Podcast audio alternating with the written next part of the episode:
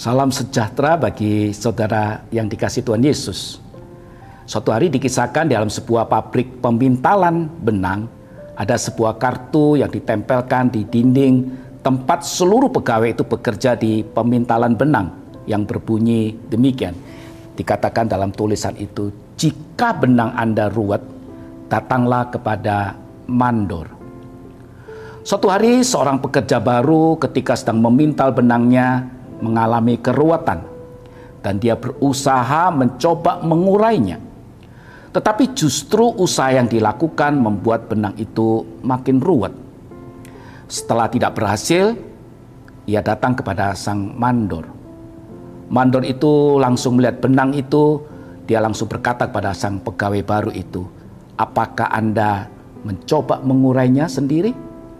Dan sang pegawai itu dengan jujur berkata, "Iya." Mengapa Anda tidak datang kepada saya sesuai dengan perintah? Maaf Pak Mandor, karena saya mencoba melakukan yang terbaik untuk mengurainya. Sang Mandor langsung membantah, tidak, Anda tidak melakukan yang terbaik. Justru dengan engkau lakukan seperti ini, engkau melakukan yang buruk. Ingat, melakukan yang terbaik adalah datang kepada saya. Demikianlah Yeremia pasal 33 3 katakan, Berserulah kepadaku, maka aku akan menjawab engkau dan akan memberitahukan kepadamu hal-hal yang besar dan yang tidak terpahami, yakni hal-hal yang tidak engkau ketahui. Saudara dikasih Tuhan Yesus, jika kita mencari Tuhan dengan sungguh, Tuhan katakan ia pasti menjawab dan menolong kita. Allah adalah satu-satunya jawaban dan persoalan dan masalah yang kita hadapi.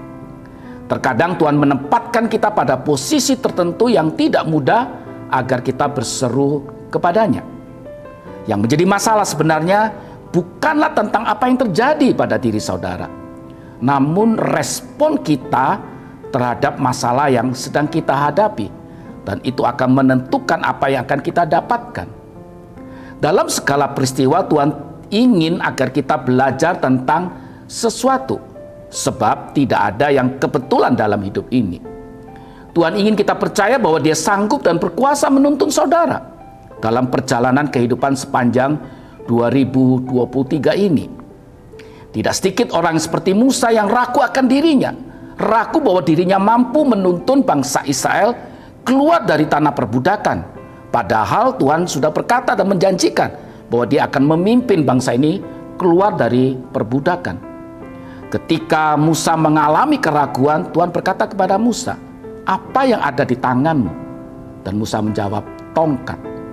Tuhan ingin memakai apa yang ada padamu, bukan yang tidak ada padamu, untuk menjadi sebuah alat yang meneguhkan langkah-langkah saudara untuk menghadapi tahun 2023 dan berbuat sesuatu bagi dia di tahun ini.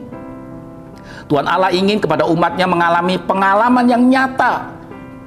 Bukan pengalaman yang dialami orang lain.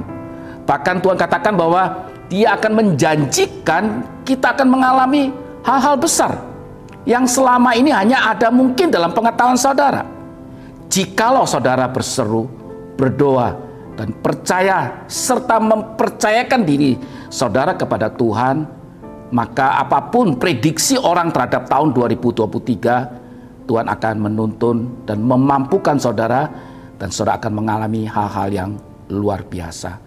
Kiranya Tuhan Yesus memberkati saudara sepanjang tahun 2023 ini. Amin.